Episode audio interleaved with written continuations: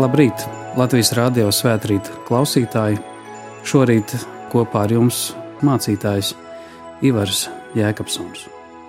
Ieklausīsimies vārdos, kas atrodami Jāņa evanģēlīja 3. nodaļā. Tur no 22. panta mēs varam lasīt vārdus, kurus savulaik rakstīja viens no Kristus mācekļiem, Jānis, norādīdams uz Jāni Kristītāju. Jēzus un viņa mācekļi nogāja Jūdas zemē. Tur viņš ar tiem kādu laiku uzkavējās un kristīja, bet arī Jānis kristīja Ainonā netālu no Salimas. Tur bija daudz ūdens un ļaudis gāja un likās kristīties. Jānis vēl nebija iemests cietumā, bet tad izcēlās vārdu apmaiņa starp Jāņa mācekļiem un kādu jūdu par šķīstīšanos.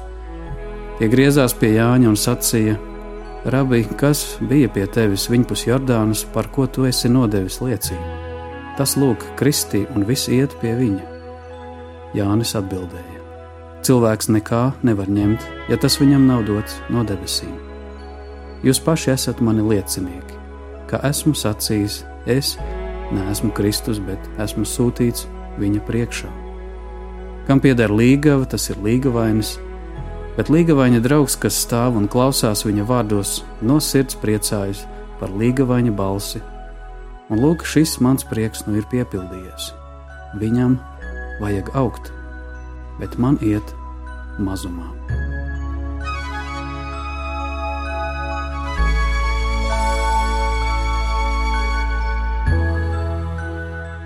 Lūksim, Kungs, Dievs, svētī mums šo svētrītu, šo dienu. Svētī tavus vārdus, ko klausāmies, kas liecina mums par tiem lieciniekiem, kas vēl pirms Kristus liecinājuši par viņu, norādīdam uz pestītāju, uz mesiju, kam jānāk, kas nes gaismu, mieru, žēlstību, mūžīgo dzīvību pasaulē cilvēkiem.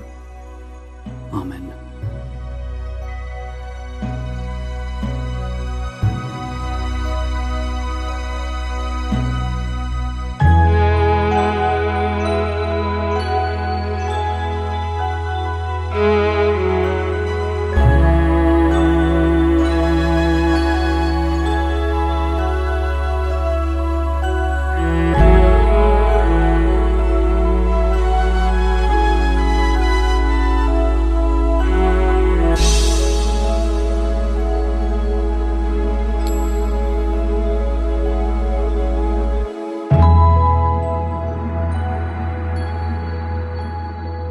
Šajā rakstu vietā Jāņa evanģēlīja autors vēstīja par vārdu apmaiņu, kas izcēlās par šķīstīšanos.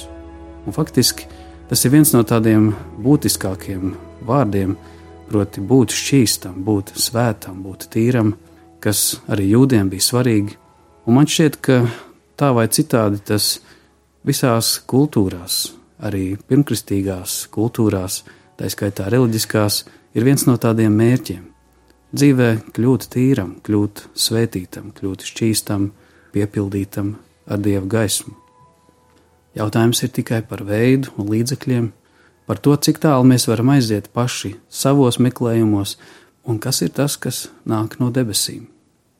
To savukārt Jānis Kristītājs pats, kā tāds robežs cilvēks atrastamies uz Jardānas upes, uz Jūdu likteņu upes, norāda, ka kaut kad mūsu pašu reliģiskie meklējumi nonāk līdz robežai, kur mēs tālāk vairs netiekam.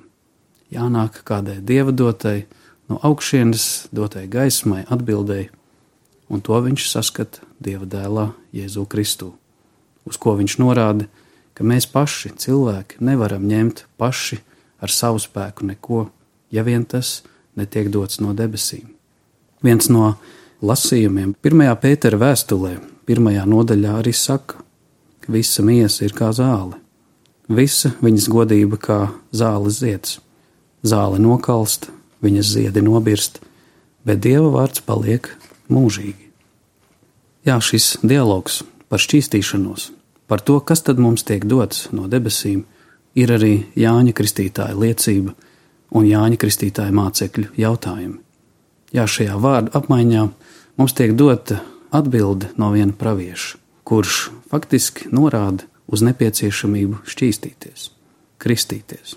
mazgāties. Man šķiet, ka tas ir visu reliģisko meklējumu kvintessence, kad cilvēks meklē kārtību savā dvēselē, atjaunošanos, un kaut kādā veidā ar saviem spēkiem kaut ko var darīt un panākt visu, kas atkarīgs no viņa. Taču galvenais darbs pieder dieva dāvanai un dieva darbam. Tāpat kā visa dzīve ir dieva radīta un dieva dota un dāvināta. Taču ir kaut kas, kas mūsos kavē ienāk šim lielajam pavērsienam, tai patiesai svētībai. Un tādēļ Jāņa Kristītāja kritika ir pietiekami skarba. Ja ieklausāmies viņa vēstī, viņš savā laikā tiešām norādīja uz būtiskiem trūkumiem tautas raksturā un tautas dzīvē. Viņš runāja par tautas degradēto morāli, viņš runāja par valdītāju izvērtību, par ierēģiņu korumpētību. Jā, Jānis skarbi aizrāda un cieti norāda tiem cilvēkiem, kas atrodas kādās atbildīgās vietās un aicina uz atgriešanos un saka, nepietiek ar to, ka tu esi piedzimis šajā dieva tautā, tev ir iekšēji jānotiek kādai izaugsmai un pārmaiņai. Jā, Jānis aicina uz atgriešanos, un tauta viņa klausās. Viņš ir vīrs, kas ir tiešām vārda cienīgs, vīrs, kas ir patiesa, askēts, nodevies dieva gaismai un patiesībai. Kad cilvēks apjauš arī savas robežas, savus trūkumus un grēkus, tad var ienākt patiesi jaunais, patiešām atspirkšanas laiki dzīvē. Un lūk, Jānis tad arī aicina sakārtot visas dzīves jomas un krīzes situācijā atbalstīt cits citu mīlestībā, žēlsirdībā, dzīvot saskaņā ar katram nolikto kārtību. Tomēr arī Jānis Kristītājs ir ierobežots. Viņš ir pravietis, viņš ir lielākais no praviešiem. Tomēr viena problēma paliek tā, ka viņa iespēja, viņa līdzība, viņa vārdiem ir kaut kādas robežas, kas mūsos sadurās ar nespēku atpestīt sevi līdz galam. Šajā ziņā ir jānāk kaut kam tādam, kas piešķir jaunu sirdi. Un tādēļ šajā Jāņa Kristītāja vēstī parādās šis apsolījums – ka pēc manis nāks tas, kam neesmu cienīgs kurpes siksnas atraisīt. Es jūs kristu ar ūdeni, bet pēc manis nāks tas, kas jūs kristīs ar svēto garu. Jā, patiesi, pat viscelāko vīru, visstingrāko vīru liecībā ir viena problēma. Viņi var radīt vislabākos likumus, bet ja tauta ir degradēta, tie vienkārši nedarbojas. Jā, daudzi vislabākie nodomi var kļūt tikai tādi populistiski saukļi bez realizācijas dzīvē ir jāmainās, ir jāaug savā būtībā, bet šī svētība, šis jaunais gars nāk kā dāvana no debesīm, no pestītāja Jēzus. Tā ir šī galvenā Jāņa Kristītāja liecība, kas saka, ir kaut kas, ko es ar savu spēku savā dzīvē nevaru izdarīt. Viņam vajag augt, bet manam ego, manam spēkam, maniem centieniem kaut kad ir jāpaiet malā un jāiet mazumā. Jā, jūdiem šī dieva dēla nākšana pasaulē bija piedauzība, tāpat kā grieķiem, kuriem likās šī dievcilvēka nākšana pasaulē ir absolūta ģeķība, jo kāds gan sakars dievībai var būt ar miesīgo, grēcīgo, nepilnīgo, cilvēcīgo. Jēzu nav tikai kāda reliģiska sintēze notikusi, kāds jaunizgudrojums, kaut kāds reliģisks plaģiāts, nē, kristīgā ticība saka, pie Jēzus nāk dieva dot atbildi kurā dievs un cilvēks satiekas un atrod pestīšanas pilnību. Jānis Kristītājs par Jēzu sacīja: Viņam neesmu cienīgs pat kurpju siksnas atraisīt. Tas, ka Jēzus klātbūtnē, Jēzus Kristus vēstī notiek īpašas pārmaiņas, kas ļauj šai uzplaukušai dabai nest arī labus augļus, patiesus atgriešanās augļus. Par to liecina kāds spilgts piemērs, kāds stāsts par kādu klosteri, kuri savos dievbijības centienos bija sasnieguši morālu krīzi. Visi savā centienā bija tik iedegušies, ka bija kļuvuši savā starpā par konkurentiem, kas cits citā sāka saskatīt tikai nepilnības un trūkumus. Viņi kļuva aizdomīgi cits uz citu, ka tikai kāds neapgrēkojas. Jā, centienos pēc svētības viņi redzēja trūkumus. Un šī smaguma sajūta izplatījās pa visu šo kopienu, tā ka pat apkārtējie cilvēki, kas mēdz ceļot uz svētību vietām, patiesībā izjūtu šo smagumu, ka šī vieta ir zaudējusi kaut kādu žēlastību un svētību. Arī šī klostera brāļi domāja pie sevis, ko darīt, vai tiešām šī vieta būs jāslēdz ciet. Un tad viņi padzirdējuši, ka tuvējā kalnā mīt kāds svētais.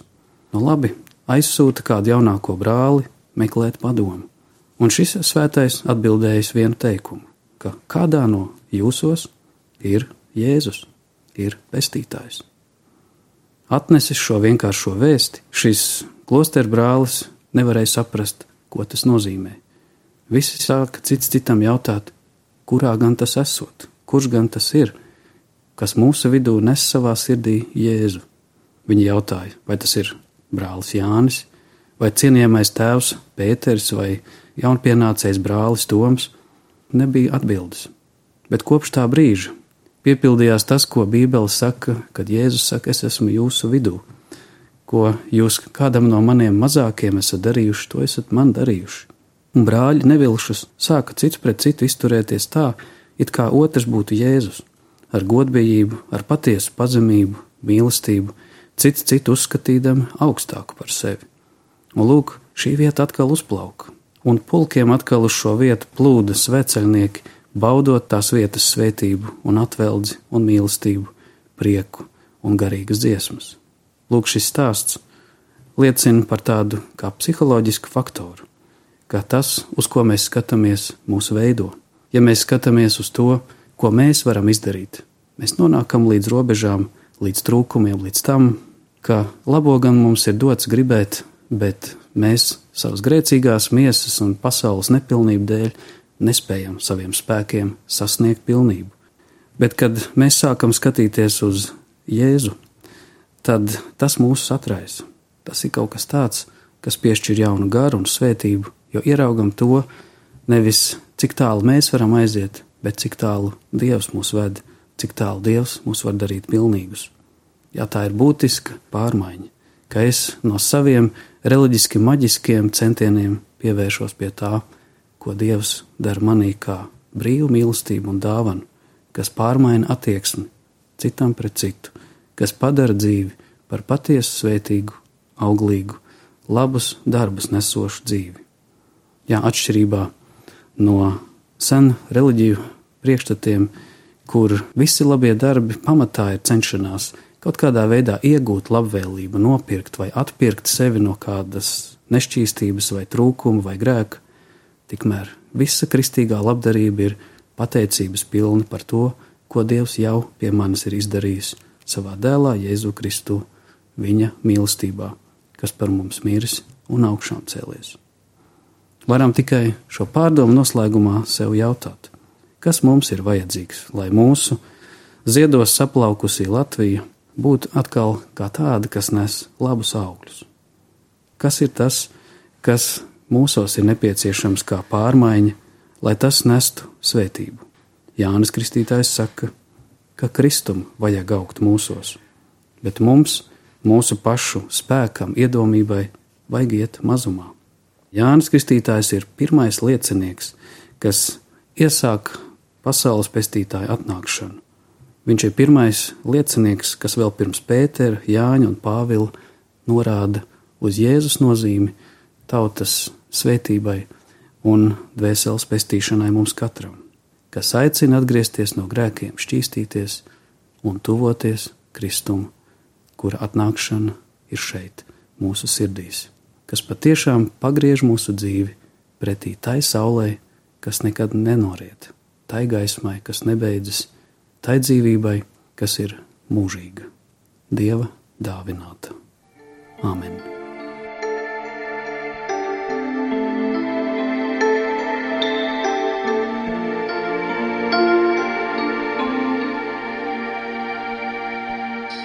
Lūksim Dievu, mīļais Tēvs, mēs pateicamies par šo dienu, svētī, ka Jēzus vārds, viņa žēlastība aug arī mūsu sirdīs ka Tava mīlestība to pilnīgi pie mums, ka mēs neskatāmies vienkārši tikai uz to, ko mēs spējam vai nespējam izdarīt, bet ieraugam pāri visam to, ko Tu mums esi darījis, ko Tu pie mums vari izdarīt.